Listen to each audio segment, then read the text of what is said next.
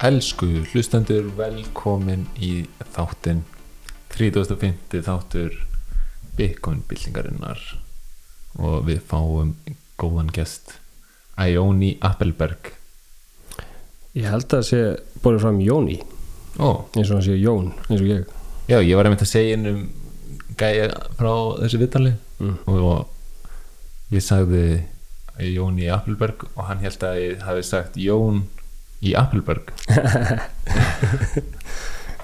Já, Já, það er Jóni. Já. Ok.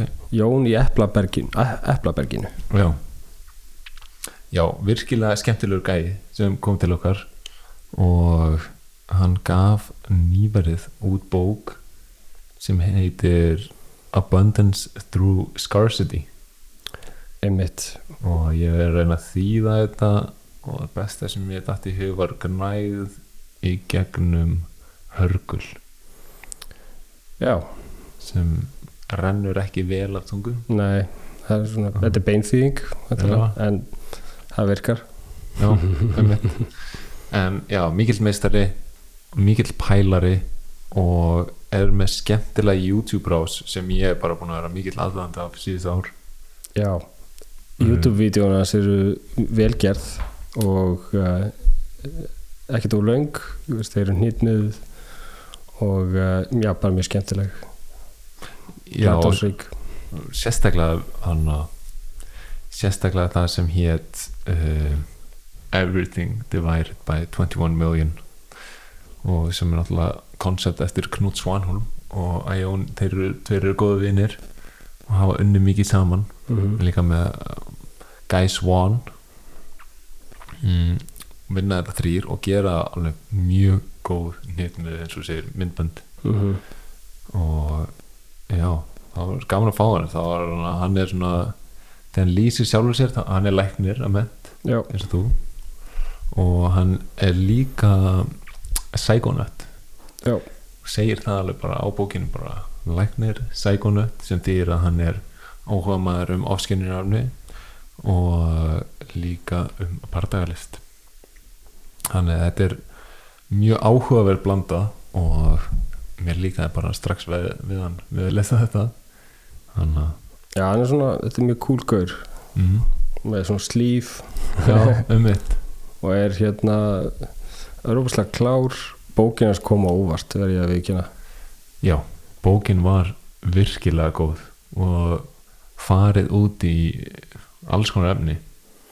Já og svona sko bæði þú veist fer hann út í svona hluti eins og Knut hefur mikið talað um og, og fleiri, ég meina líka Safety and Amos fara í söguna veist, tíma Rómverja og hvernig Rómaveldi leiðandi lók og svo leiðis og það spiluðu peningar uh, stert inn í.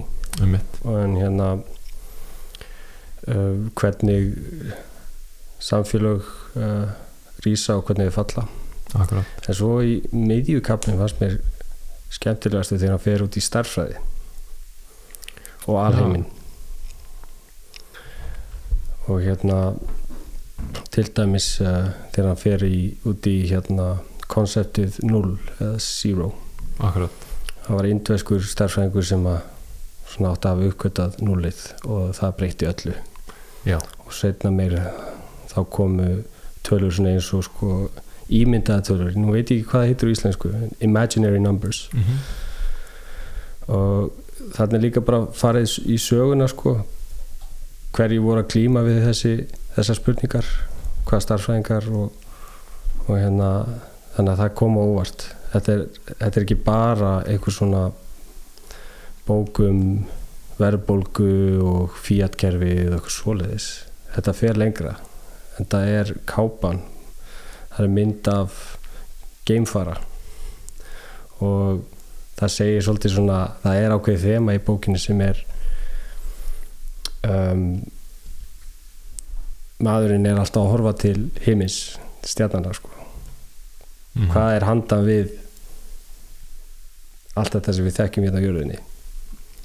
Og svo starfsvæðin spila náttúrulega stert inn í af því að uh, starfsvæðin er hvað næst í uh, sannleika sem við höfum í rauninni. Akkurat. Já, einmitt, hún kafar svolítið í fortíðina og sýnir okkur hvað við komum og hvaða vandamál við erum að kljást við. Já, svo hvernig Bitcoin leysir þau og hvert það getur leitt okkur þessi nýja uppgötun á algjörum hörgli mm. og hvernig það getur veitt okkur græð inn í framtíðinu og leitt okkur í átt af plánetum og stjörnukerum já. Þannig bara indislegt og tungumál alheimsins sem er starfsvæði, eðlisvæði og íminna starfsvæði. Já. Að því sögðu á, kannski fyrir við bara í tölur dagsins. Tölur dagsins er ekki mikið búið að breytast nema bálkanir halda áfram að hamrast inn uh, það er ennþá bara fyrir hverja íslenska krónar 28 sats. Við erum að bálka hefð 809.606 og það er stutt í næstu helmingun það eru 30.394 bálkar í næstu helmingun ekki mikið. Æðislega skemmtilegt helmingunin er áætluð í kringum 20. apríl 2023 og eitt spennandi þessu er að hassreitið er búið að vera fjúka upp Mm. núna er 24 síðustu 24 klukktíma hassreitið er 448 exahash og það er bara búin að vera á beinni leið upp ég held að hafi 24 klukktíma hassreitið hafi snert 500 exahash nú til að setja þetta í samhengi þá var hassreitið þegar að Kína bannar Bitcoin í kringum 100 Vá, ok Já. þannig að maður verður svolítið að líta á þessa tölu já, það verður svolítið að líta þessum tölu mm -hmm. af því að það er hún segir svolítið margt Mm -hmm. Þó að verðið sé frekar stað svona stöðugt að þá er hassreitið alltaf að keirast í gang og er að ná nýjum hæðum. Mhm. það er ennþá svolítið dýrt að millifæra á Bitcoin en það er til að komast í næsta borga er þetta að borga 31 satt per byte. Og til að komast inn bara á næstunni næstu klukktíma þá er þetta að borga 7 sats. Þannig já þá fyrir við bara í mál málana um, það sem er í gangi og það sem er í gangi er að á morgun sem er líklegast í dag þegar þessi þáttur er gefin út mm. á fimmtudaginn sem sagt eh, 28. september þá er að byrja mjög spennandi kurs á hjá Safedin og safedin.com sem er upp úr bókinni Principles of Economics. Og við erum uh, nokkrir inn á austurísk hagfræði grúpunu á Telegram sem þið getið fundið í gegnum Bitcoin byltinguna.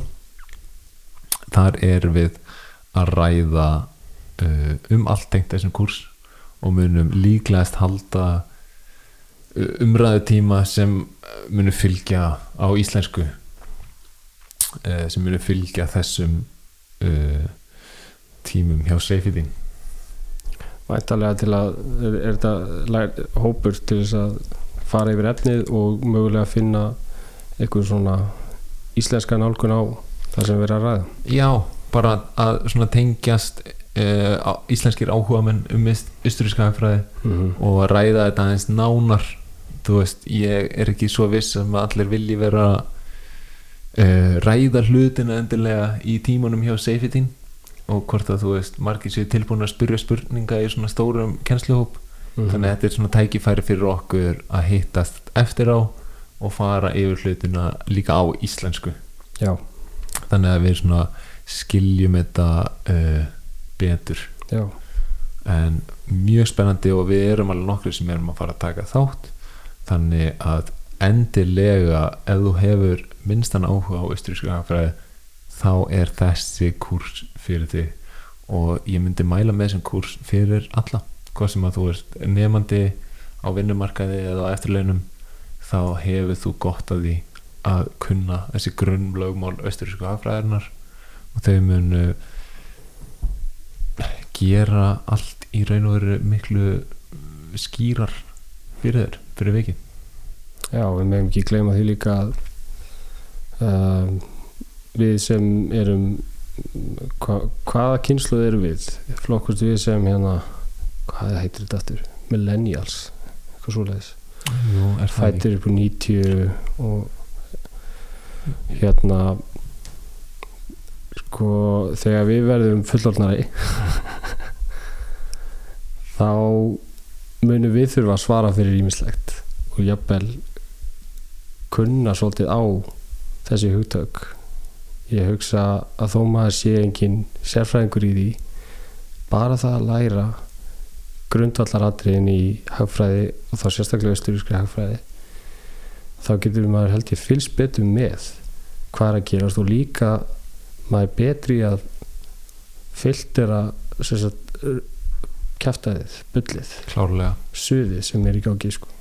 alveg klálega og einn af okkur sem er hérna, ég myndi segja núna bara svona hvað segja, maður á íslensku svona uh, mest spennandi að mínum andi mm. aðilinn íslenski sem er að velta þessu öllu fyrir sér er hann Ísmael uh, Hodl Ísmael Hodl niðurstrygg Ismael á hérna á Twitter. Mm. hann skrifaði nýveri grein uh, sem ber heitið mannleg hegðun. Og hann tvítar hérna austurísk hagfræði og mannleg hegðun. Ég settist niður og skrifaði nokkur um orð um mannlega hegðun og ádeilu á nútíma þjóðahagfræði Mm. endilega lesið og deilið skoðanum ykkar. Um, virkilega skemmtileg og stutt grein sem ég mæli með þið lesið og það er bara svo spennandi og gaman að sjá að það eru Íslendingar sem eru að velta þessum hlutum fyrir sér. Og við erum að fara að fá meira efni á íslensku. Já, ég er mjög ánægður að heyra þetta. Já. um, manni finnst stundum eins og maður sé svolítið einn í þessu en það er hellinga fólki sem er að pæla í þessu. Já, og fólk sem ég er klára um maður sjálfur. En hérna þjóðar, þjóðarhagfræði, það er macro er það ekki, economics? Uh, Nei, macroeconomics er þú veist, er svona yfir bara makro, yfir þú veist allan Já. heiminn, meðan mikro er þá bara svona inn, innan lilla samfélaga. Já, ég, ég held nefnilega að þjóðarhagfræði væri, væri hérna starri myndin. Já, meinar, jú. Ég held uh, að, er það ekki íslenska Ég held að sé tengin á meira bara svona ég held að það sé svolítið bara svona Keynesian hagfræði, Já, já, ok. Þjóðhagfræði sem gengur út frá svona að þjóðir séu að sem sagt makro Já, eða þj- að þjóðir séu að þú veist skipta sér af en er það, Eh, samt ekki, ma- hagkerfinu. það samt ekki makro ég meina svona eh, veist, Jú, jú, jú, þú getur alveg sagt það en ég held það sem hann sé að vísa í er þá, þú veist, mm. í staðin fyrir að segja Keynesian hagfræði, mm að segja veist, þjóðahagfræði að því að það eru þjóðir sem eru að -hmm. sk- skjóta inn í og eru svona að, að, já, að reyna að stýra hagkerfinu. Sem sagt kenningar lávarðar Keynes. Já, mm. við með mm, Já. Og hérna mjög spennandi að fara að fá frá honum. Um, en síðan er það bara viðtalið við Æjóni Jóni. Við Jón þannig að já, mjög spennandi. Uh, virkilega gott spjall sem við áttum við hann. Og förum yfir margt. Og þetta er þá annar þátturinn þar sem við ræðum svolítið um Bitcoin og ofskinnuröfni og hann er með mjög uh, skemmtilega pælingar þar líka. Stundum helst þetta í hendur. Bitcoin og afskynjanefni já, ég myndi segja heldur betur gera það. Mm -hmm. og ég myndi segja bara sé mjög sami, mjög, eigi mjög margt sameinlegt mm, og þannig ég vona bara að þið njótið þáttar eins og viðtalsins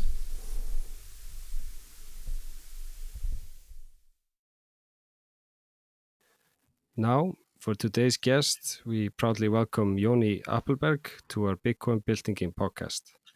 Ioni is a medical doctor, martial artist, psychonaut, animator, and author. His newly published book, Abundance Through Scarcity, published in May this year, takes you on a journey throughout history, the cosmos, and the mathematical wonder we call Bitcoin. A highly recommended book. Welcome, Ioni. Eva and I are honored to have you on our podcast. Thank you so much. Thank you for having me. Thank you for coming. Uh, to start off, uh, if I could ask you um, about your um, how you discovered Bitcoin in the first place and what impact that had on you. Oh, certainly. So my first touch point was back in 2015, I think but I, I, don't really consider my school of uh, I don't consider myself a class of 2015. I consider myself class of 2016 because that's when it really clicked for me. So it all began um, back in 2015 uh, when I was doing um, like a scammy trading course that I found for some reason I can't remember. You well, actually, it was like this. Like I, I was at a party in Stockholm, and, and I met this uh, quite interesting guy. He was a fighter pilot, and uh, he he was talking about business and money, and I just had no clue what that kind of life was all about. And then he told me that he, he made his money forex trading, and that piqued my interest. So I ended up just having a blast with that guy. And it turned out uh, we had a conversation all night long. It was great, uh, and it turned out that he was also selling trading courses, and it took me a few years to realize that it was kind of scammy, but still, uh, I learned a lot. Uh, I learned so much about like how how the monetary system works. So I owe him um, a great debt um, for introducing me to the world of finance and to the world of um, the monetary, um, the world of money and the history of money. And he, he was uh, in touch with um, with that with that world, and I wasn't. And while on taking his course, he also had this community where uh, a lot of people started talking about like like new events and new stuff. And one of those things were cryptocurrencies. So um, I had a I had a touch point there, and then when I heard about Bitcoin for the second time, late 2015, I I decided to read a white paper, and I considered that my third my third touch point. And that when it it didn't really click then, but then I heard about it again, and then I re-examined it. And in like early 2016, I actually dipped my toes for the first time and bought my first Sats. And when you do that, when you buy your first sats, when you get your hands on your first sats, that's when it clicks for most people. A lot of people say you need three touch points, and I certainly did. I maybe I needed four or five or six even because I'm a slow learner. But when I actually dipped my toes, toes and took self custody of my first sats, that's when it really clicked. And I reread the white paper and I found all the uh, YouTube channels on um, on Bitcoin that existed back in 2016, which weren't that many. And I got my hand on a few books and a few podcasts, and yeah, that was that. Cool. Were you already a doctor at that at that time? I graduated med school in 2017. So no, this was um, like towards the uh, the uh, last semesters. Okay, yeah, it's uh, interesting because I I also sort of uh, heard of Bitcoin first time when I was in medical school. I studied yeah. in in Hungary, mm -hmm. um, and uh, that's when I first heard of it. And the first guy I saw uh, was uh, what's his name, Antonopoulos. yeah, Andreas. He was a big hero of mine yeah, um, he, well, he I still consider him the goat.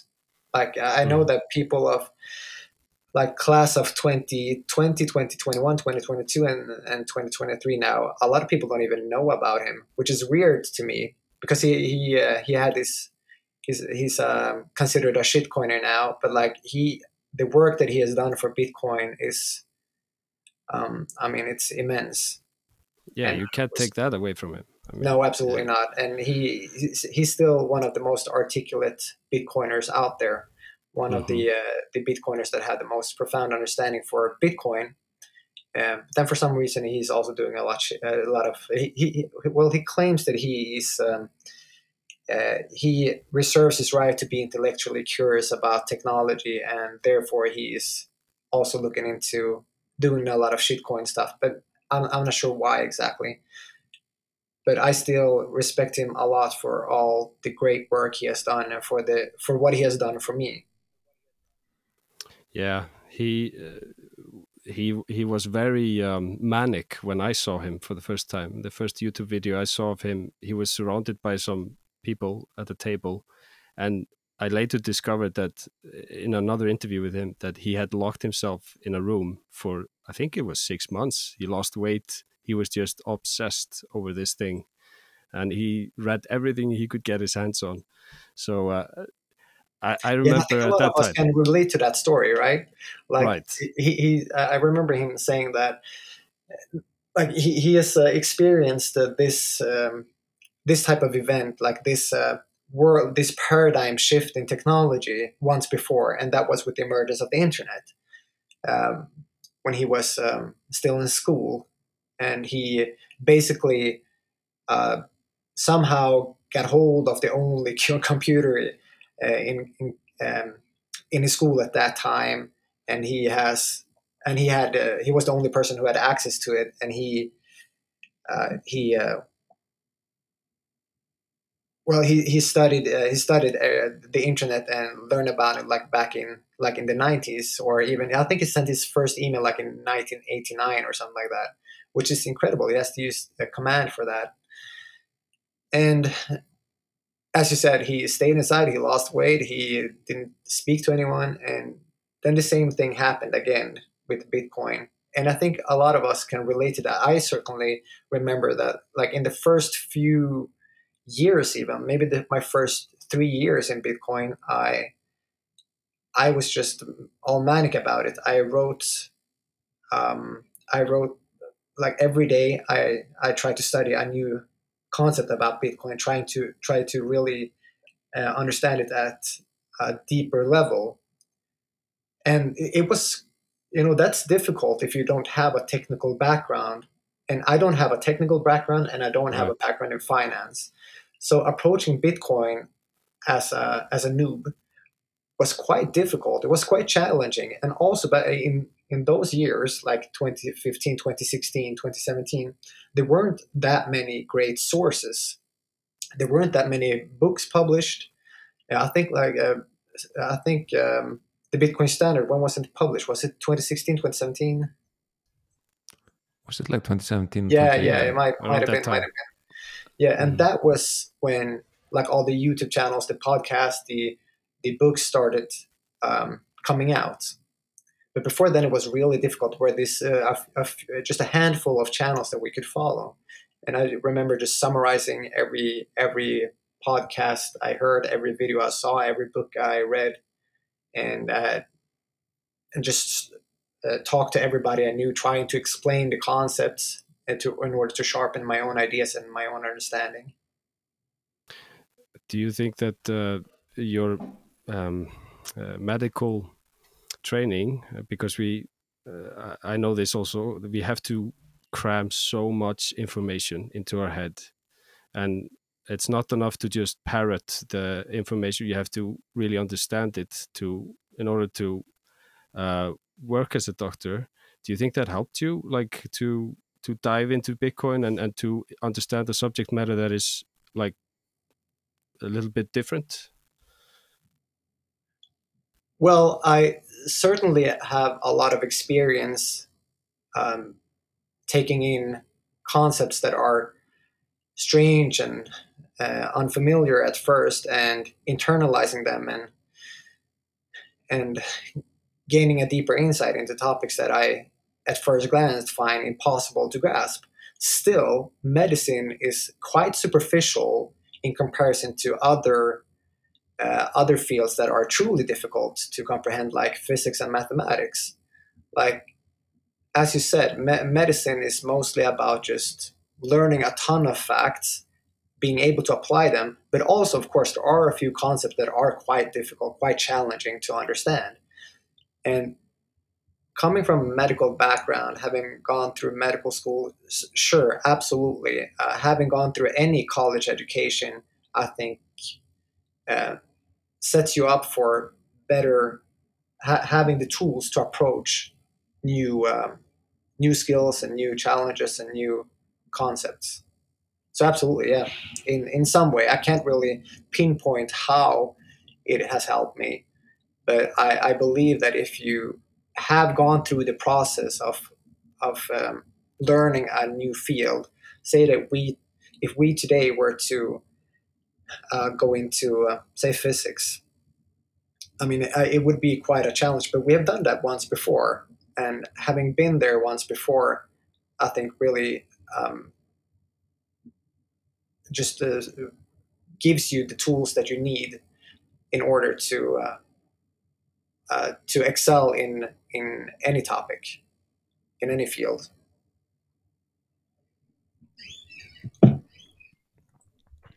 Yeah, so Ioni, um, your YouTube channel is by far one of my one of my favorites, and I can't recommend your videos enough.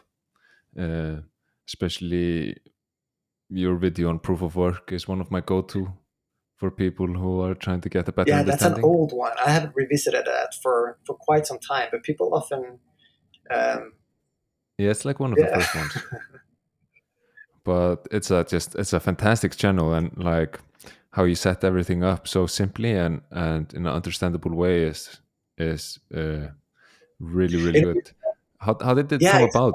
How did you start doing the animations? yeah, that's stuff like that? interesting. Actually, I so um, the the YouTube channel is a direct product of the that the initial process, like I, I was talking about, like my initial process of trying to understand Bitcoin. I was writing about Bitcoin, trying to simplify it so that I could really understand it at a fundamental level.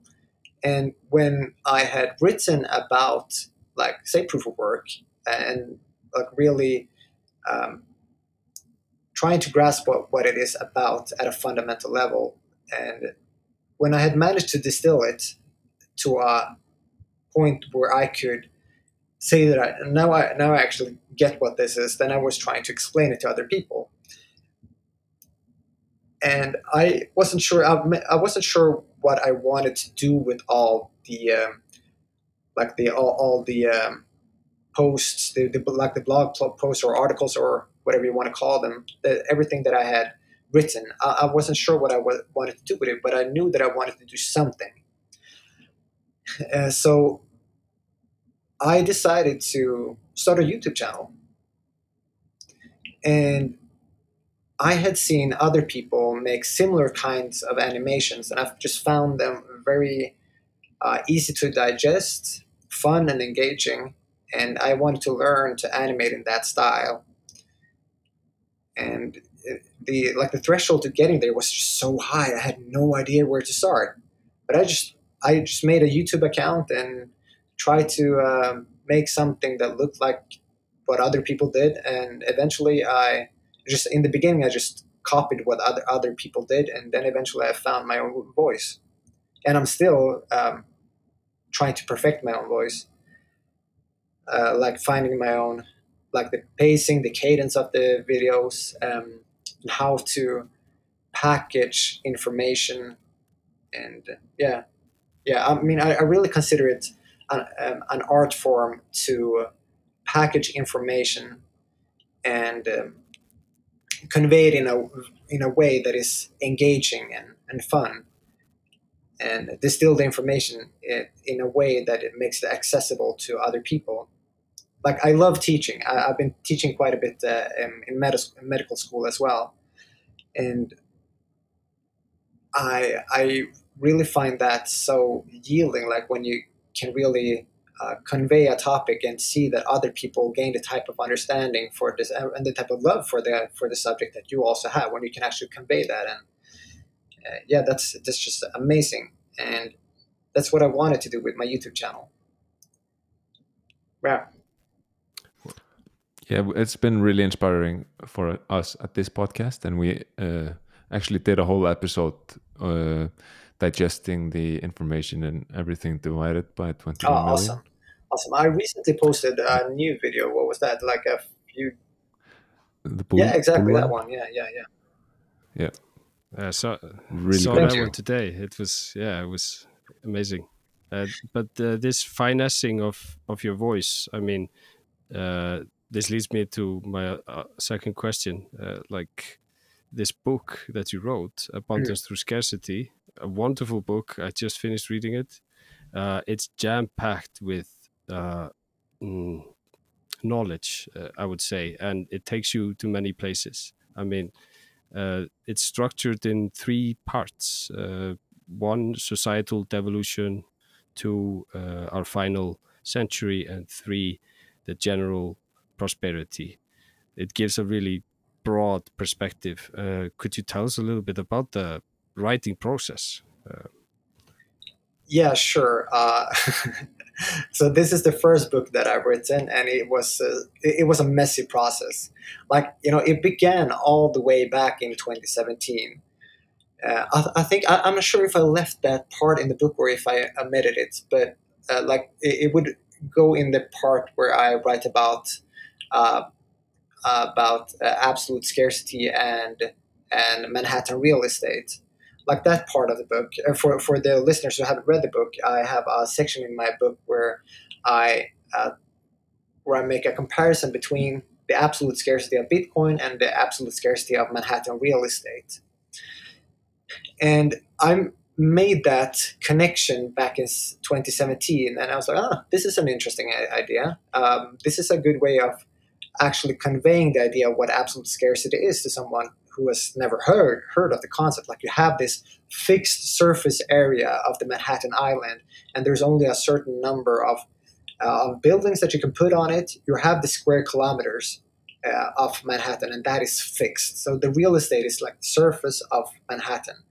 So that is an uh, that is a fixed commodity, the real estate of Manhattan. But then, of course, you also have the buildings that you can build in three dimensions, uh, dimensions and so on. So it's so that uh, complicates things. But uh, I find the analogy still very useful to explain the, the idea of absolute scarcity to someone who's never encountered um, the idea before.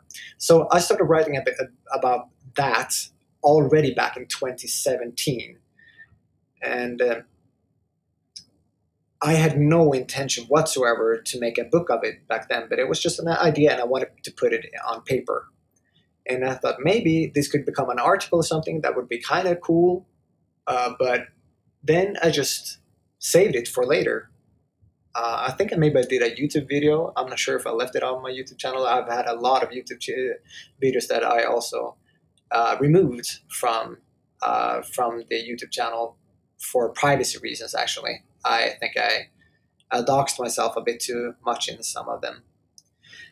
Um, but yeah, so I've been I've been writing always. Like I remember being back in high school and talking to my teachers about wanting to become an author at, at some point, but I never really like believed it.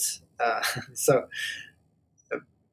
but I, I just continued writing and perfecting the craft of actually being able to put my ideas into words.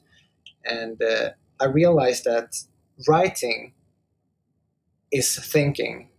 And if you can write clearly, it helps you to think clearly. Um, it, it is the best way to externalize your thoughts and really put your thoughts on paper and to look at your thoughts and to see where the flaws in your thoughts are and to put them together in a coherent way. So I always found the art of writing exhilarating and I wanted to excel in it. So I just continued writing and eventually I just had so much Bitcoin material that I thought, hey, why not try to make something of this? And I started to put it together and and through this weird and messy evolution of all the material that I had eventually emerged this book. And when when when, I decide to uh, start a new project as my second book, it is not going to be this messy. I and I kind of look forward to seeing what now that I know what the process is like and what it entails to actually actually complete a book. I'm kind of looking forward to it because it, it is a journey. It really is a, a journey. Kind of, I mean, I would compare it to something like um, like a calisthenics journey uh, that's very trendy today. A lot of people do calisthenics today. Uh, I'm also on that journey. I'm kind of in the beginning, but um, it's really a journey. Like you start doing these weird exercises, and it's like, oh, there's just no way I'm ever going going to have any progress whatsoever in this particular skill. Like the planche, for example, which is uh, for people who don't, don't know, is is when you um, do like push-ups without your with your feet elevated from the ground, so you're just on your arms. And I don't know, you you you guys are nodding. Are you doing calisthenics yourselves? Yeah, I do a You lot of do. That's awesome. How how far are you? Uh, well, I I can't do a full planche, but I can hold like a tucked planche for uh, Yeah, yeah, me too. Yeah, I'm also at the tuck 10 Yeah, 15. I think my And my front lever is yeah, cool. there. Yeah, I'm also working on the front lever. Yeah, yeah. But I, I got the ring muscle up on on lock. Can do a few of those. I don't do rings though. And I just you don't do rings. I yeah, highly do. recommend Yeah, them. yeah, I've heard it's great, but I, I just don't have any like way to uh to install them anywhere.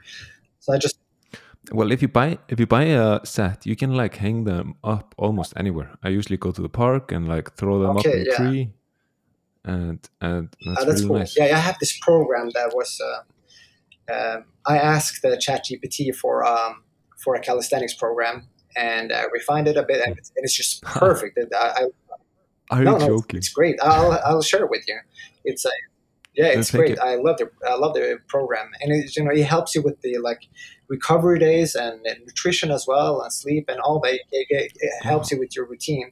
And when I started um, um, when I started using ChatGPT for my training, I, I, I started seeing results. Like it's it's that it's that weird. I, like I didn't before, but now I've been using uh, chat as a training coach uh, for like telling you where where telling chat where I'm struggling and uh, where I'm excelling and like asking if I'm on the right track and so on. And it's guiding me all the way like even with like technique uh, technical details like with the handstand the, the handstand is surprisingly difficult. It's deceivingly difficult for people who don't know like how to execute a perfect a good handstand. It's really really difficult. It's one of the most technical Yes. skills there is. Like it's surprisingly difficult to, to, uh, to perform a good handstand and so i'm yeah i'm working on the planche i'm doing a tuck planche for maybe like when i'm fresh my, i think my record is like 15 seconds which is quite good. I'm happy with it Oh, yeah, that's yeah. pretty good. yeah and And lean i'm i i'm good i'm very i'm very happy with my strict form on the on the planche lean. I'm doing 45 seconds now uh, like without problem. Yeah. Wow, nice. muscle ups six uh, Uh, six uh, reps four sets maybe. Oh, on the yeah bar. on the bar.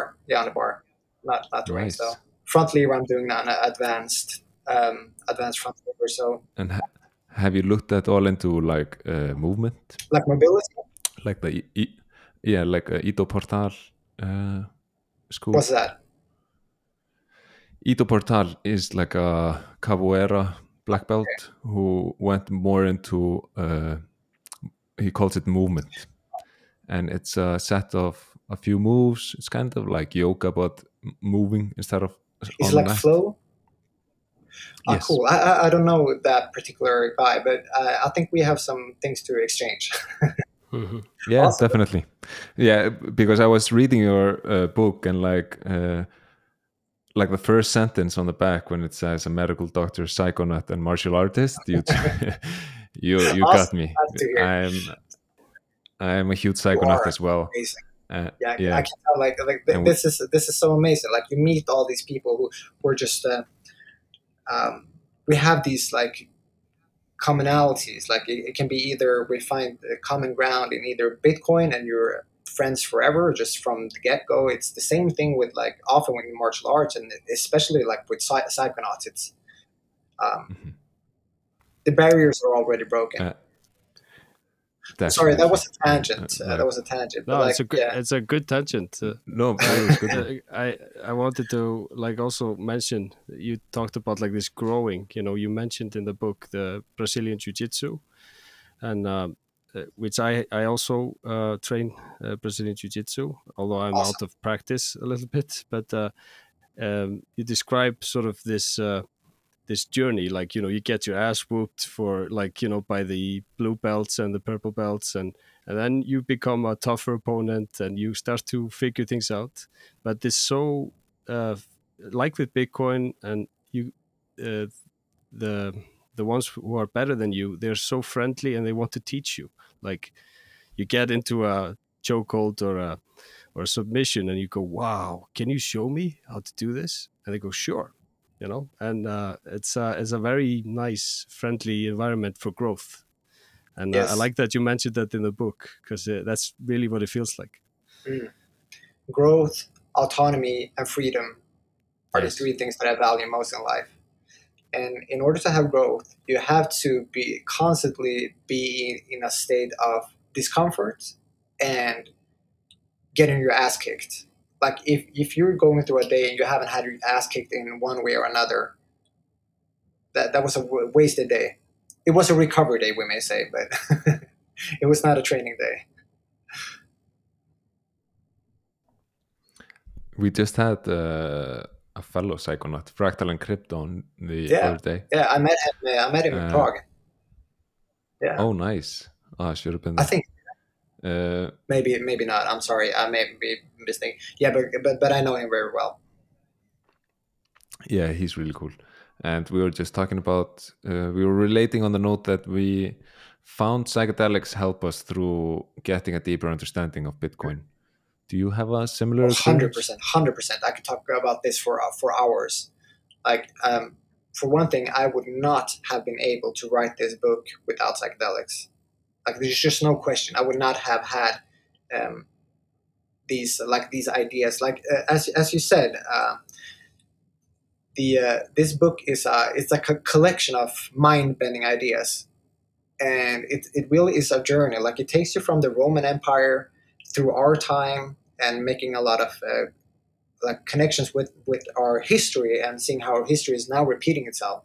Like a lot of people don't see that we are in a decline, but we are certainly in a in a collapsing state. And like, but the Romans had no idea either. Like people are oblivious to the fact that society is uh, heading toward a collapse, and it's it's quite serious. But the thing is, collapses are so slow. It took uh, the Romans 500 years to collapse, uh, and we are collapsing faster than they did because we have the technology to debase our currency and to um, like be affected by political discourse and civ- civil unrest and the, the uh, decaying the decay of institutions and so on. All these things happen faster now.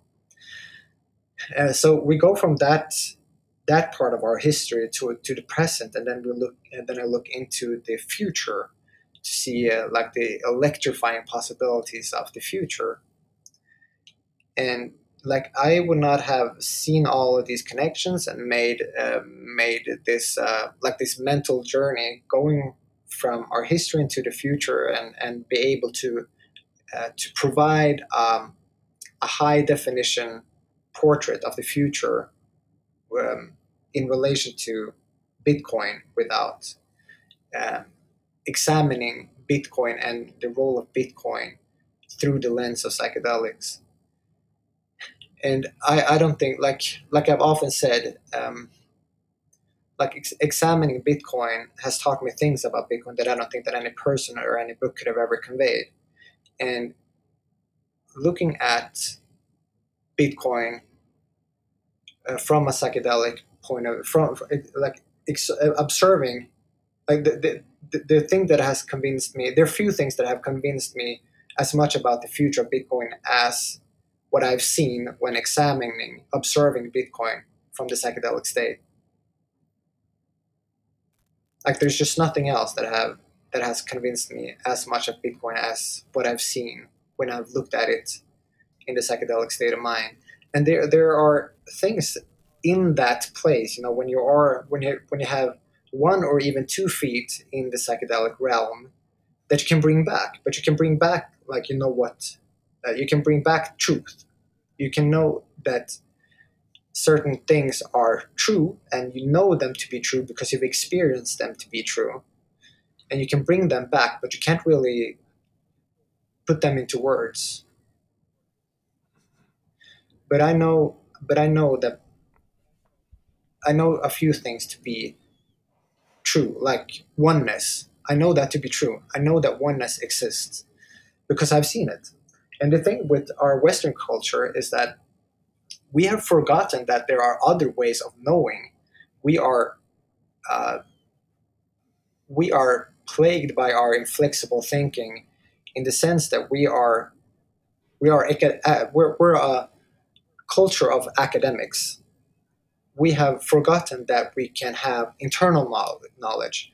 We believe that the baby, uh, like a, a child, is a blank slate, and then we like imposing knowledge onto that blank canvas and that's the only way that we can gain insights and knowledge like put a human a person through school and and give them all the uh, knowledge that we have um, that we have managed to produce through our science but that's not the only way to gain knowledge we also have internal knowledge there's not just external knowledge, there, there's also it, it, internal knowledge, which is when we make observations. And that is a very scientific way of approaching knowledge as well, like we do in um, in the um, like vipassana retreats when we meditate. We uh, we make observations of our internal states and about the world, and we observe them from a very human uh, centric and scientific point of view, and we we understand them in a way that is um, where the knowledge about the things we observe comes from the internal state rather than the external state. And we have forgotten that that is a perfectly way, perfectly good way of gaining insights and, and knowledge. And the psychedelic, uh, the, the entities in the psychedelic realms, they are teachers. They show us that that is a way to learn as well, and they teach us things. And, and I think it's a travesty that Western culture has forgotten about psychedelics and internal knowledge. It's such a dark spot on our on our cognitive landscapes. Yeah. Yeah, but it, really feels like the third wave of psychedelics. Yeah, yeah, we are is coming, and, and I'm actually a, a bit worried that it's coming on too quickly. Yeah, yeah, yeah, true. because uh, could you elaborate? Yeah, sure, absolutely. Like so, back in the uh, 40s and 50s, we used psychedelics to uh, to to treat psychiatric conditions and to study the mind. So they were not illegal because the, the government didn't know what they were, and so scientists were using them on themselves and on uh, test subjects and on patients, and we were using them quite successfully to study the mind and to study consciousness. But then they leaked into society in the 60s and they became synonymous with counterculture.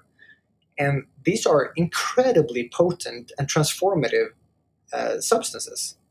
So when they uh, leaked into society, uh, it started a movement, like a grassroots movement of people who had new kinds of experiences that our culture was completely unfamiliar with.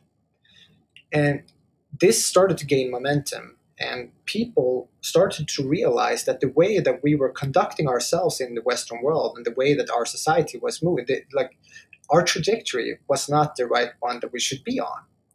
We had taken a false step somewhere, and people started to realize this, and they wanted to restructure the way we live, to restructure society, to organize differently. And this was a direct threat against existing power structures. So, uh, in the late 60s and the early 70s, um, they were prohibited. And from one day to the other, they were criminalized, and all research had to stop immediately. So the psychedelics were suppressed to the underground, and I mean, all the psychonauts they were still out there, so it was mostly just the researchers that were affected, sadly, and so we lost decades of valuable research. And now it's so trendy again, so that we're in this third wave, as you said. So a lot of medical institutions want to make um, want to study these uh, these uh, very potent substances again. Uh, yeah, sorry, did I answer your question? I, I was just also, yeah, yeah, yeah. That also with no. with that there comes this sort of uh, wave of shit coinery as well, right? You know, like you have charlatans as well. You know. Oh, 100%. 100%. This yeah. is always going to happen when, especially yeah. when society goes through a transformation. Mm-hmm. Like when we go through a new paradigm shift, there are always going to be opportunists who, who try to make money and try to um, abuse people for their um, for their ignorance and just they're, they're bad people basically. I wouldn't say sorry um, let me rephrase that. I wouldn't say that i don't really believe in bad people. I believe that there there are circumstances that I'll, that make people that need uh, maybe they need love. I don't, I'm not sure what they need, but um, certain love is one thing that they need, and they have been in a certain set of circumstances that make them act in a certain way where that is the maybe the only way that they can act and it's it's horrible and people make horrible acts and they make poor and bad decisions and we need to take care of those people i don't think that uh, punishments i don't think the prison is the right way to do it, but um, we need to do something about these people. But they always emerge when we have societal transformations, like we are now with Bitcoin and psychedelics. Yeah, it's that happened like in the '60s as well. The, you know, the problem we also have is is this. Uh, I, I've mentioned this before. Um, lack of meaning. People are depressed, anxious we, they pump themselves full of SSRIs or antidepressants, and uh, and it helps a lot of people for a while, but then they just uh, you know the chemicals sort of wear off, you know, and and they don't have the same effect. Uh, it's very interesting that these psychedelic treatments they can actually have a lot longer lasting effects uh, when done correctly um, and it doesn't have to be necessarily have to be done by a medical professional. It can also be done by a, a really good uh, guide, like they use, like they do in the in the Amazon. You know, with the ayahuasca, the shaman guides you through it. Um, I'm, I'm. This is very interesting. So, could I ask you, because you're a doctor, have you looked at some of the like um, the neurochemistry of why why does this why does psychedelia psilocybin LSD, uh, mescaline. Why does it? What does it do to our brains? You know, John. The, the funny thing is that we have no idea. We have no idea what these substances do. We just have no idea. We know that they act on the uh, 5H, uh, 582HT receptor, uh, like one of the serotonin receptors. Uh, like all the psychedelics, they, like the four common psych, the four classic psychedelics, um, LSD, psilocybin, mescaline, and DMT, they have uh, more or less the same uh, mechanism of action. But once they saturate these receptors, from there on, it's just guesswork. We don't know what they do.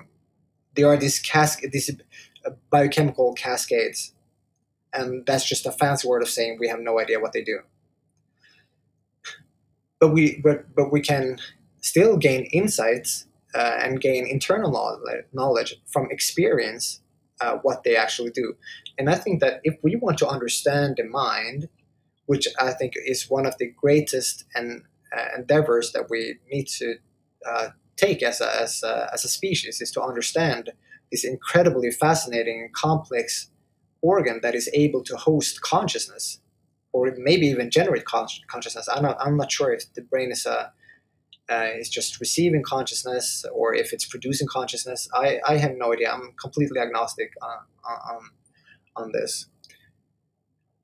So, um, but we need we, we can study the the, um, the brain anatomically, but studying the brain anatomically is only going to get us so far.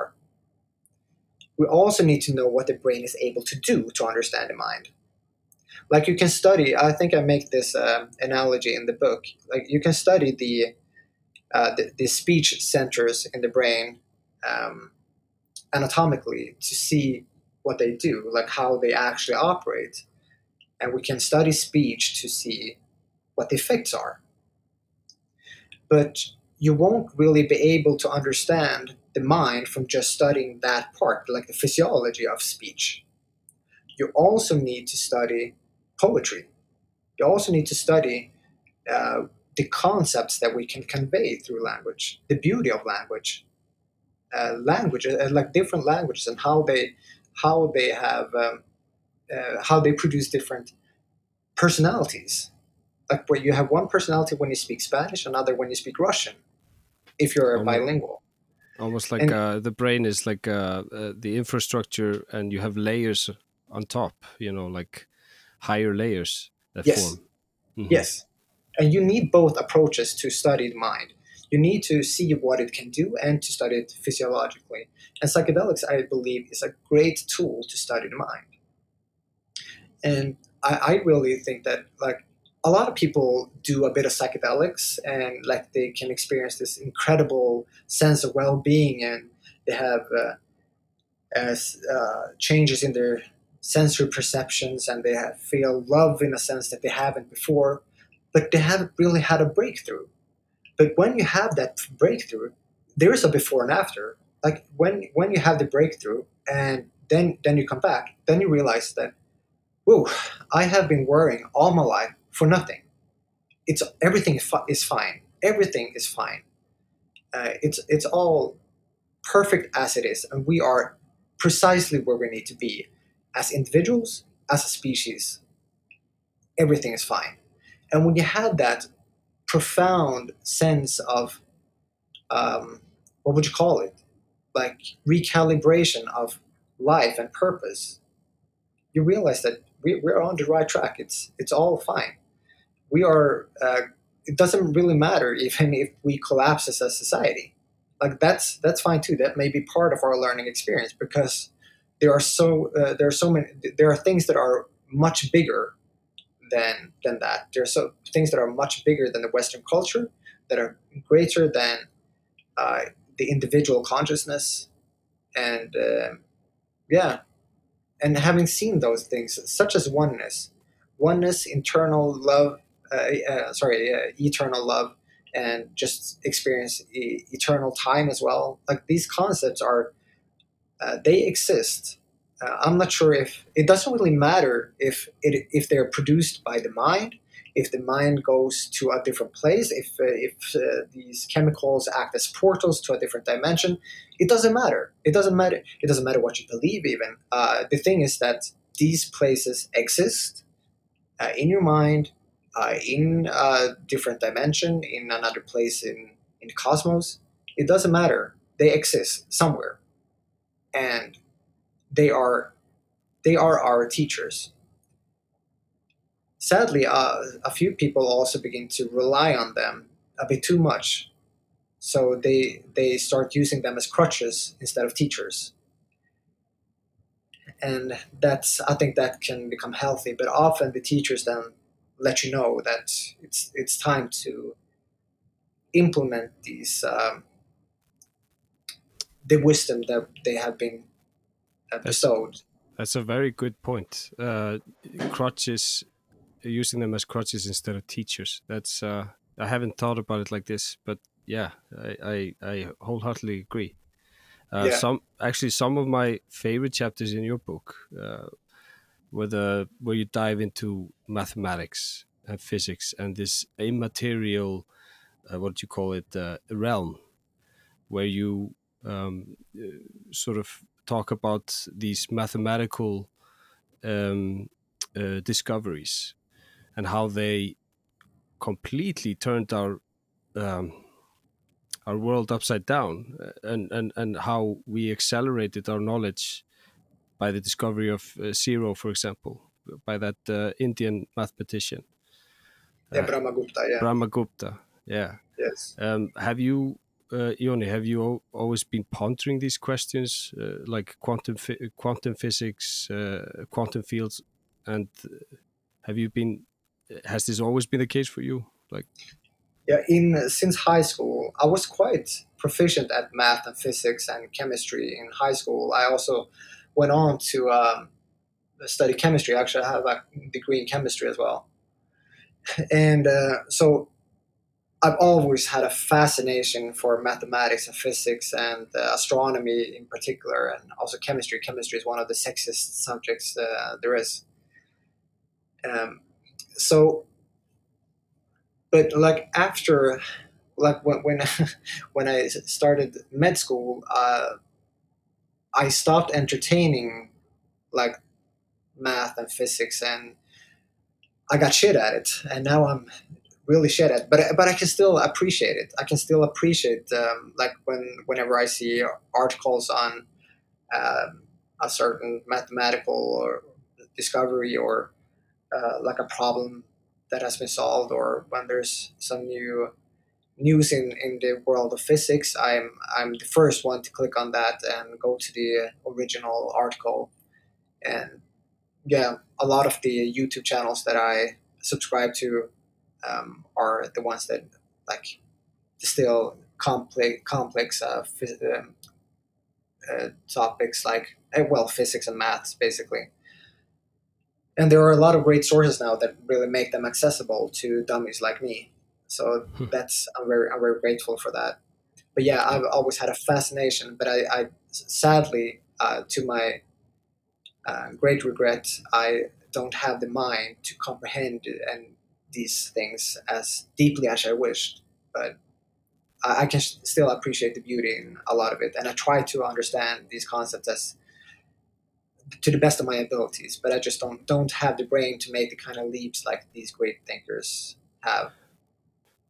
I find that in your book you you you put it uh, you put it really well.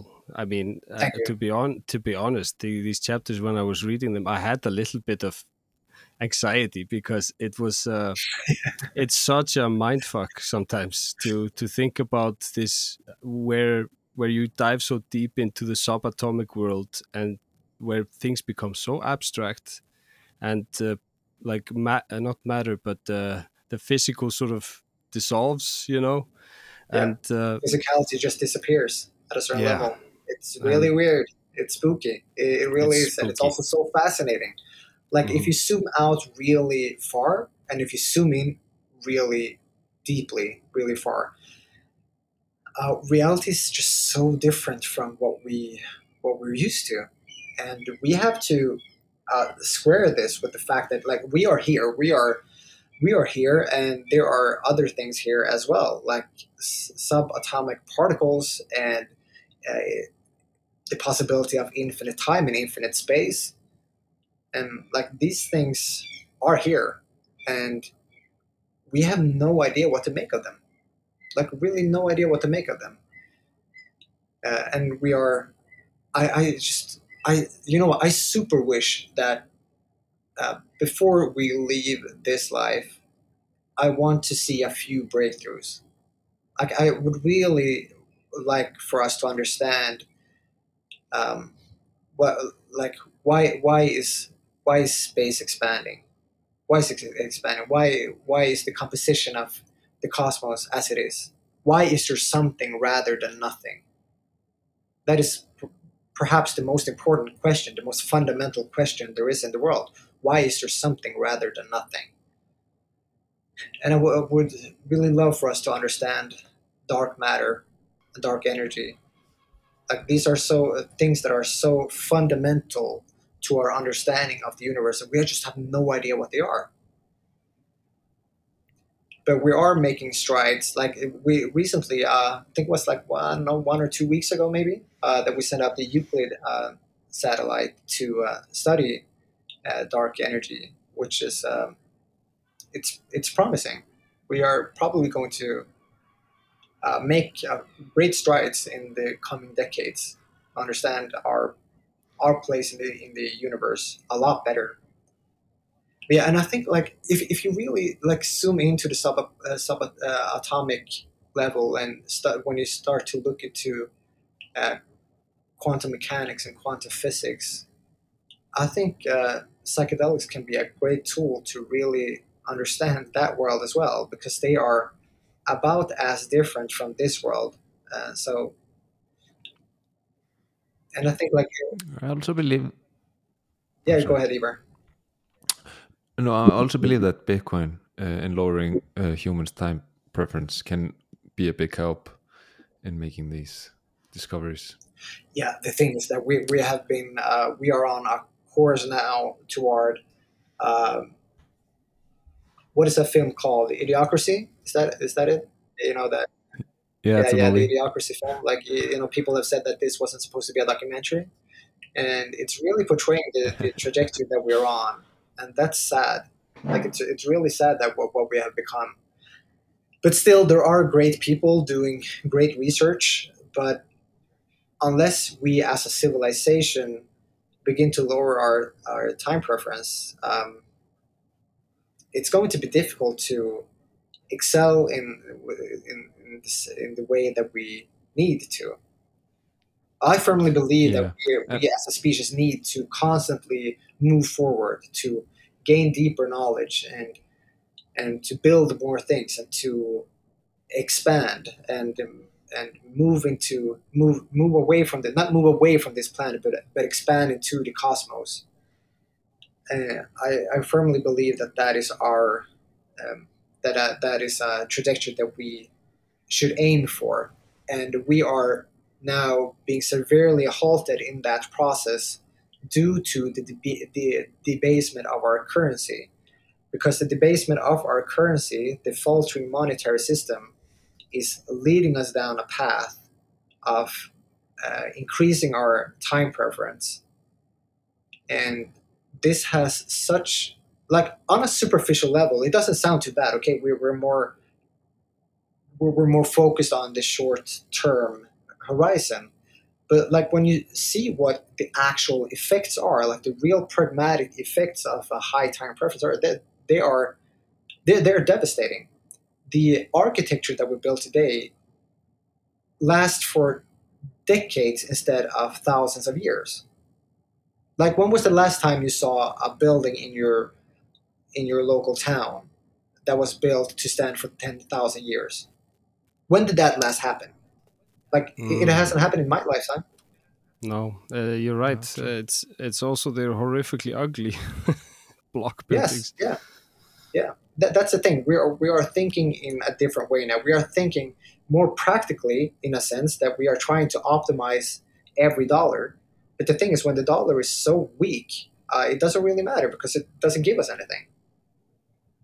Yeah, Yeah, and it, it was fascinating in your book how you put it like how you how because I've often said that uh, Bitcoin is the strongest psychedelic, uh, but you put it so eloquently when you said that uh, fiat money is kind of like an opioid for the macrocosm of human society, and that Bitcoin is the psychedelic that opens your mind. Um, yeah, that was really really well put. Well, thank you. Changes And I you. firmly believe that also that Bitcoin is actually a psychedelic. Uh, it's just not a chemical. Uh, well, in one of Yeah. our YouTube videos, we actually argued that Bitcoin is element zero. So in that sense, it is a chemical. Yeah, element zero. yes, it's, it's element zero. Uh, uh, but that's an analogy. Uh, It's it's a thought provoking idea. It's not what we actually believe, uh, but it's a good way of shedding light on Bitcoin and seeing it from a different perspective. But I do, however, actually think of Bitcoin as a proper psychedelic, but not in in the chemical sense. It doesn't bind to our serotonin receptors like the classic psychedelics. But there are other psychedelics that are um, not classic psychedelics that also have different mechanisms of action. And the effects produced of Bitcoin on the individual level and on the societal level are akin to uh, the effects of classic psychedelics. You, they, uh, excuse me, they, um, they uh, trans they transform you as an individual um, in a very profound sense, like in like lowering your time preference. Few uh, a few people understand how what a prof- uh, what a fundamental shift in your personality and your way of life that is. Like there are few things as transformational as actually lowering your time preference, not just talking about it, but actually lowering your time time preference and what it means for the way that you approach life and challenges and, and just everything.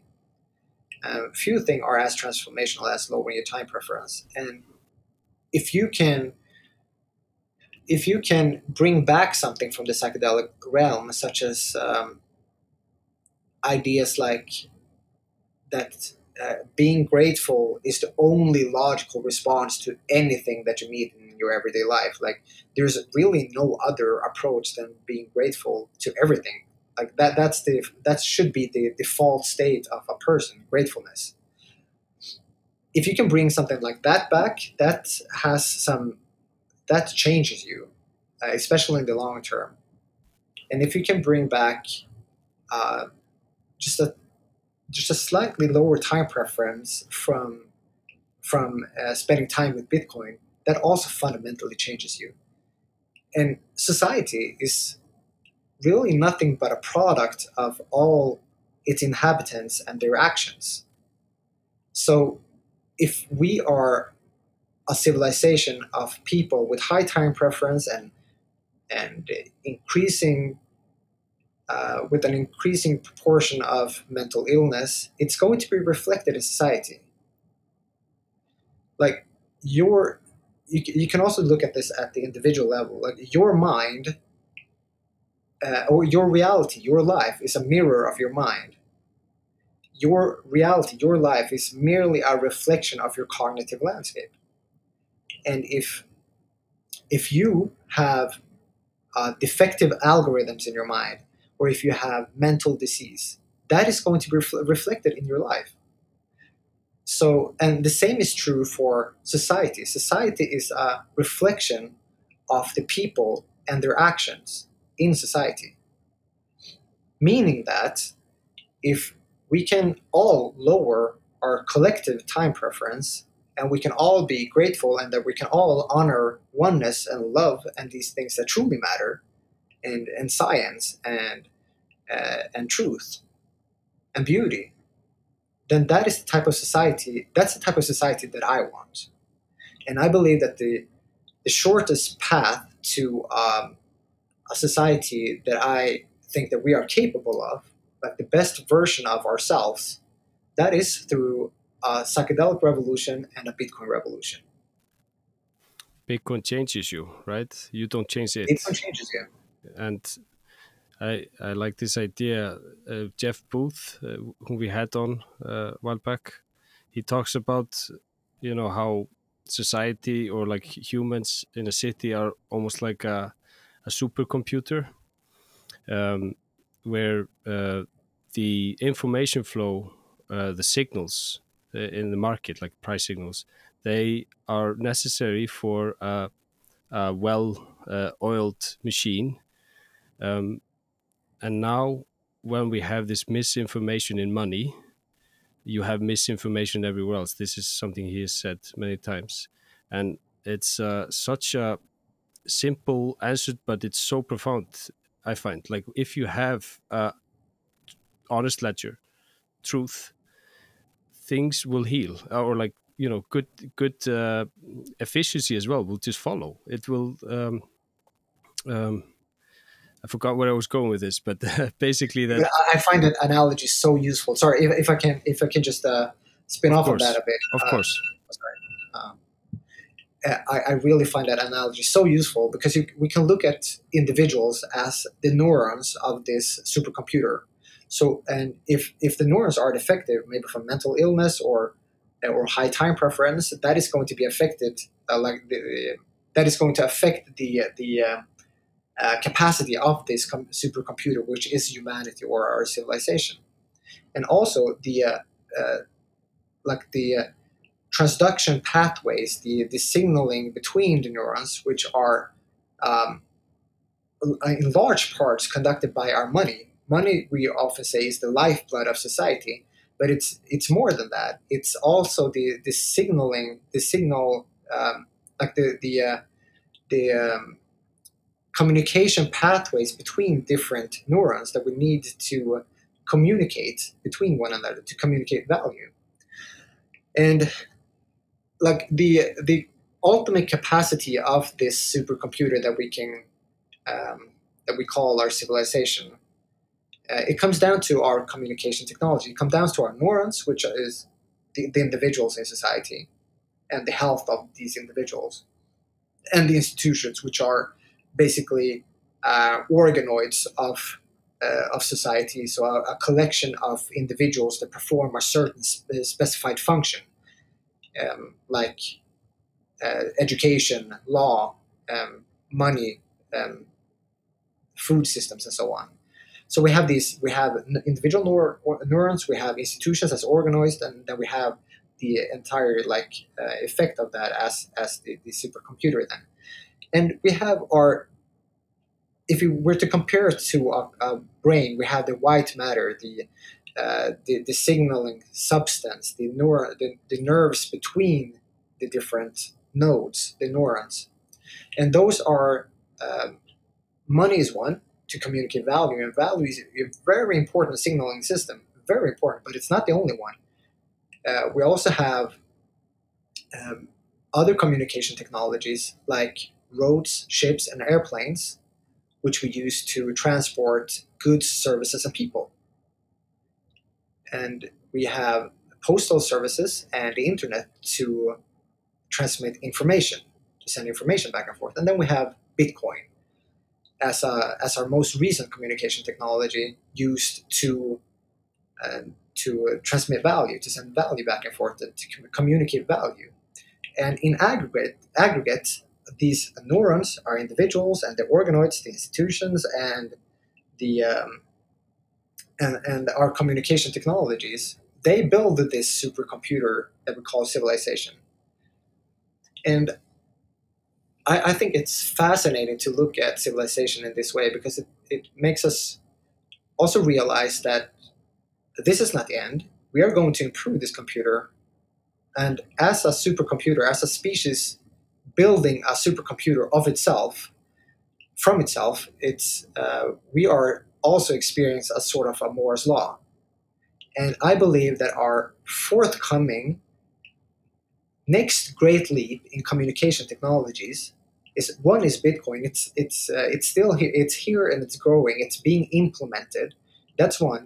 But another one is the human hive mind uh, and the human hive mind is uh, is an idea that is still very alien to a lot of people.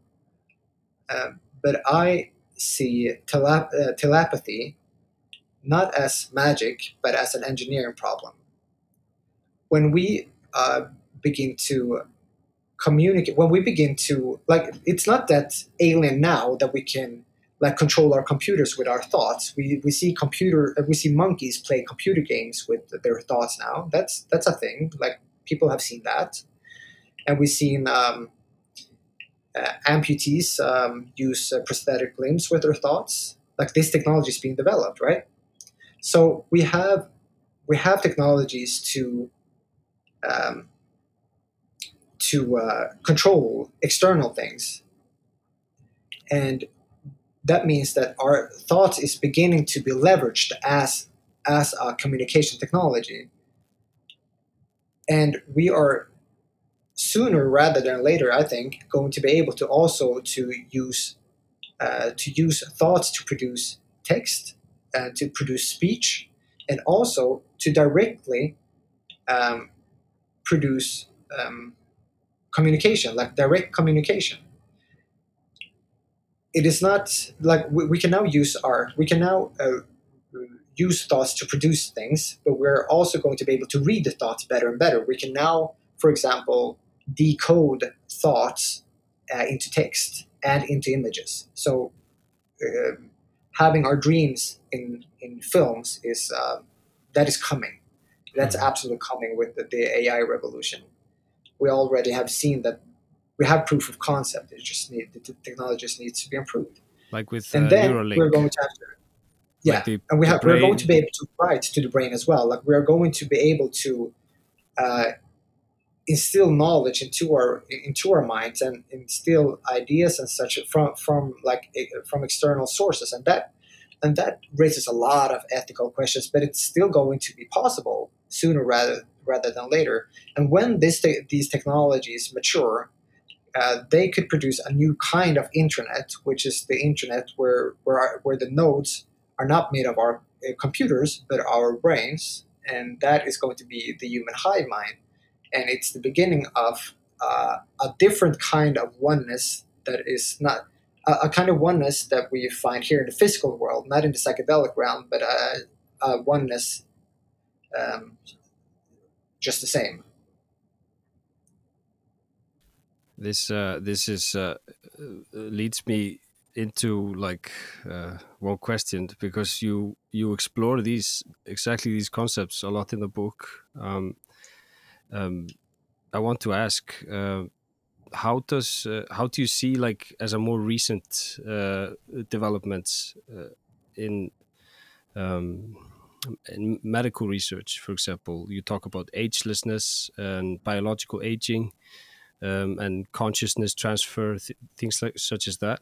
Uh, do you see like Bitcoin uh, accelerating this research or, or um, medical research, particularly, and treatment?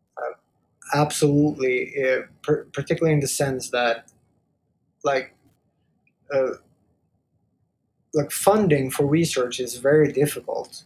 Like people think that people who haven't, who are not scientists and who are not doing research themselves, think that it's just happening. It's just you go to work and you do your research. No, a lot of a lot of the work is actually about uh, um, finding funding. And uh, the funding part of research is, um, for some people, it's their entire job. And Bitcoin facilitates and globalizes um, uh, funding for research in a way that makes us co- um, collaborate much more efficiently. And so, if we have common goals as a species, such as becoming a multiplanetary species or becoming an ageless species, I, I certainly believe, or firmly believe, that um, a lot of uh, research teams that they can present um, an intriguing idea and show promising results will have funding not just from uh, not just from their own institutions but from the entire world and it won't be there won't be a lot of like um, bureaucratic hurdles to that. Bitcoin just removes all these hurdles, and so so yeah, absolutely, it's it's going to be a lot easier for a lot of people to do great research. Uh, and like also just stabilizing the economy. I mean, uh, the downstream effects of that. I mean, that that has to be uh, pretty significant for a lot of research going forward. Like, imagine having uh, having very expensive uh, type of research. Like imagine, like particle physics, for example, that's incredibly uh, expensive. And imagine like with rampant rampant inflation, what that has to do to halt their their their research, and also like um, uh, NASA, their all all of their research projects. I mean, they are incredibly expensive. And imagine what that has, what if, what the effects of inflation are, is going to be on that. So if we just have a more stable economy, that is going to help. And also, as I said, globalizing um, research, uh, fu- funding for research, I think that is going to be significant. Bitcoin fixes this. Bitcoin fixes a lot. Yeah, it really does. It really does. Yeah, yeah. Did you want to go into um, agelessness? Is that something we need to talk about? No, I was just uh, uh, mentioning it because uh, you mentioned agelessness in the book.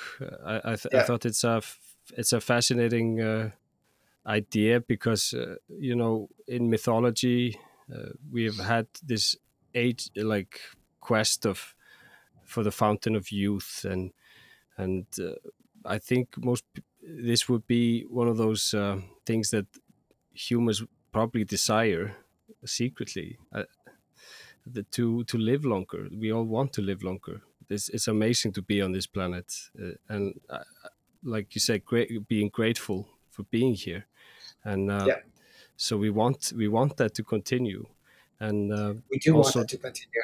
yeah, we also like uh, we want to keep our grandparents here longer, uh, Yes. we- our family members, and and we want uh, our children to to be healthy and and to live. And I think uh, if you frame it sort of like this, uh, it could uh, because people tend to get a bit scared when you start talking about Yeah, immortality. They do. Im- I know. I know the arguments against, like, you know, like, Mhm. you know, it's all just vanity and it's it's a problem with the overpopulation and so on. Mhm. But like, I think that the, the the most spiritual thing that we could possibly do is to honor this human experience. Yeah. Of all the spiritual things we can do, being fully present in this human experience is is the most virtuous thing we can do. And if we want to expe- extend it for a bit, that's that's fine. Uh, I think that I think that death should be optional. I don't think it should be mandatory. Like, uh, we shouldn't force agelessness upon everybody. But I, I, but I think death should be optional, and I think it's going to be.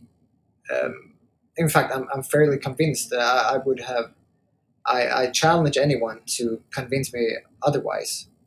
Like we don't have the technology now, but we have proof of concept. Um, we have, for the first time in human history, identified what what aging actually is. Like we know the the nine hallmarks of aging at the cellular level, and we also know that we age because of uh, um, damages to the epigenome, so that we can no longer uh, read the uh, uh, our DNA, our blueprint to produce the cells that we need to have for a young body. But when you're 90, you still have the same code as before. You still have the information to code for a 25 year old. It's just that the epigenome uh, is uh, distorted. So for, for people who are uh, don't know these terms, like you have DNA, which is the uh, the, the string of information that codes for all the proteins to make you, and that that string doesn't have to make like you in particular. It can make someone like you, but uh, but then you have the epigenome, uh, which is basically how uh, like a bunch of proteins that uh, the the string of DNA is um, is looped around. So the epigenome determines which genes are active and which are not. So that is why you go from a stem cell, and that stem cell becomes a skin cell or a brain cell or a or a liver cell or a kidney cell, and the way that the cell knows which type of cell it's supposed to be from that pluripotent uh, stem cell is by way of the epigenome and which genes are expressed and which are not. And with age, the epigenome is distorted. So the uh, the cell that the protein is produced by that cell to renew itself and so on, it, it becomes diseased. It's um, it can't produce um, cells that are as specified, as specific, as vital as before.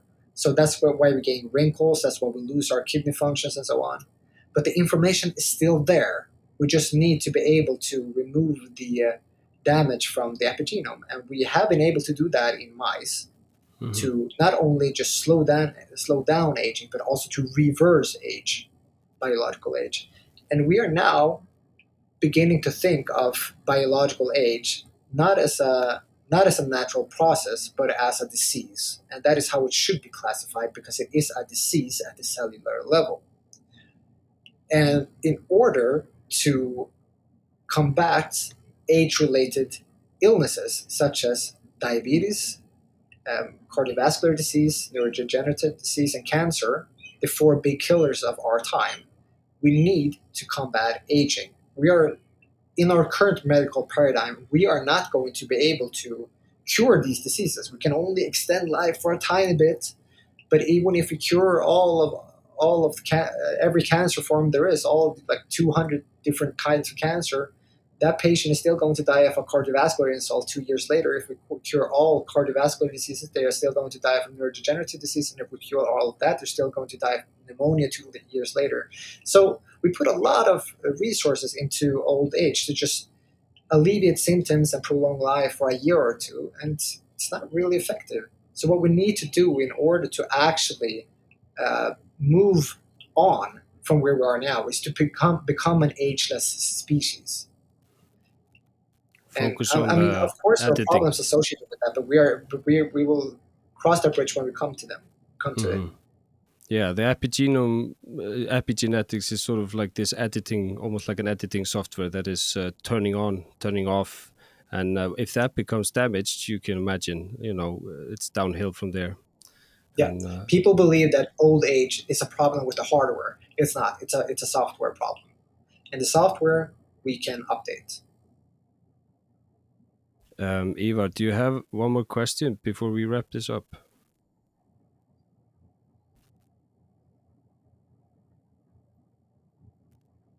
Your mic is, mic is muted. I kind of have, yeah, I kind of have one more question, uh, and it's just something I've been uh, personally thinking about uh, because you were mentioning martial arts, and well, when I like, I think you guys can relate that uh, fully realizing Bitcoin can be a overwhelming feeling, and I remember even at a certain point, like my body shaking to a certain degree. So I was just thinking if you have found that uh, martial arts have helped in realizing Bitcoin, in that you have trained your uh, the fight mode of your nervous system, and it, it, like as doctors, do you guys think that that like um, can help, like having a proper fight? I'm talking about like the flight, fight and flight mechanisms of the nervous system, and having a proper fight mode can like can help you uh, fully take it all in. I would say one thing uh, about that. I think there's I can hear a sort of a misconception about what fighting actually is. Like when I fight, I uh, there's not what you do is more like you you down regulate the fight and fight or flight response, the sympathetic nervous system. Like you don't want a lot of activity in that part of your nervous system when you're fighting. You want it to be meditative. You want to be uh, very present, very calm, uh, to breathe calmly, to be present, and to uh, and not in a in a fight or flight mode. You want it to be like fighting is is uh, it's very zen in a way. Um, I know that sounds a bit like um, like counterintuitive, uh, but but that's the way it is. Like people who get angry and who get who panic and who um, like I just um, yeah that that doesn't work out very well for fighting most of the time. Yeah, it makes sense. Yeah, you, you can also sort of with with It's practice you can sort of train your nervous system a little bit to to not to go there so much. I mean, the sympathetic nervous system gets switched on obviously when you're scared, angry, anxious, and uh, I think the the martial arts or any kind of physical exercise movement it, it sort of helps to calm a little bit this this uh, reflex that we have normally, which is there to What I find very useful is uh, like taking cold showers. I, I, I love taking cold showers now. I haven't missed one in in several months. And and when I first started, I began showering hot water and or I ended in hot water. But now I just uh, it, it doesn't faze me at all. I just go in as cold as I can possibly get the water, and I just go in and and keep my mind calm. And that's the whole point. I, I don't know there may be other like um, physiological benefits of cold showers. People argue back and forth on that, and I'm happy to take the benefits if there are uh, more benefits. But the, the thing that I find beneficial with taking cold showers is to uh, expose yourself to that type of adversity and still remaining like uh, calming your mind in that and to have a calm mind in that so if you are if you're in a war zone and your mind is calm and you have peace on the inside then your life is peaceful but if you have war on the inside even if you are uh, in, in the in the uh, in the calmest in a, like a Buddhist temple, and if you're warned inside, uh, your your life is going to be a war zone. So your life is a reflection of your inside again, and exposing yourself to those kinds of things like fighting, cold showers, and whatever scares you. Just say yes to it and train Sauna. yourself to calm your mind. Definitely. Do you follow the Wim Hof method? I've looked at him quite a bit, but I, I don't really do his stuff. Um, it's I've put it off for- for some time, but it's on my to do list. Like I, I've tried his breathing exercises, and I've watched a lot of clips. Um, but now I just I just take cold showers like three minutes a day. Nice. Yeah. Oh, great. Yeah, I highly, I highly it. Beautiful. Uh, like people who uh, just put it off for some reason and say it's it's nonsense, but it's uh, I find it very beneficial. Like meditation, cold showers, these things are great to train your mind. For sure. So, uh, For Ioni, uh, we would like to thank you very much for coming on. It was been very um, um, edu- um, we learned a lot. Uh, what I mean, and uh, it was a pleasure talking to you. Um, uh, I would uh, ask the listeners to get a copy of your book. It's uh, it's a wild ride. It's amazing. Uh, Abundance through scarcity uh, can be found, can be ordered on the Konsensus Network. Uh, shout out to Nico. and uh, yeah, uh, we hope to talk to you again. And, and please come to Iceland and visit us sometime soon. I would love to. I've never been to Iceland, but it's it's like on my it's easily top three, like entire entire world for me. Like you have no idea the the like the love I have for your country in my mind, like in, in, in the idea space. I just so badly want to go to your country. It- like every year, it's on my list. Every year, but for some reason, Man, you should come. Yeah, I- we'll show you around. Yeah, I we'll show you that so around. And guys, I, I really enjoyed this conversation away, uh, as well. You guys are great, and thank you so much for having me. And yeah, absolutely. People who are listening, uh, if you want to reach out, you can find me on Twitter under Ioni Appelberg, I O N I, Apple as in Apple, but not as in an apple, but A P P E L B E R G on Twitter, and uh, also my YouTube channel, Ioni Appelberg. And yeah, uh, read the book. Uh, it's a it's a great read. It really is. I'm very proud of it, and uh, every, every like people I've talked to who read this book say that it's uh, it's quite transformational, and, and people really fall in love with Bitcoin again. And I, I am that is the best feedback that I've ever gotten. That people actually rekindled their love for Bitcoin. I cannot recommend this book enough. It really zooms out and gives uh, the entire uh, perspective. It's amazing read. And your YouTube channel as well. Everybody should check that out. Thank you so much. Thank you, Thank Ioni. you. Thank you guys. Take care.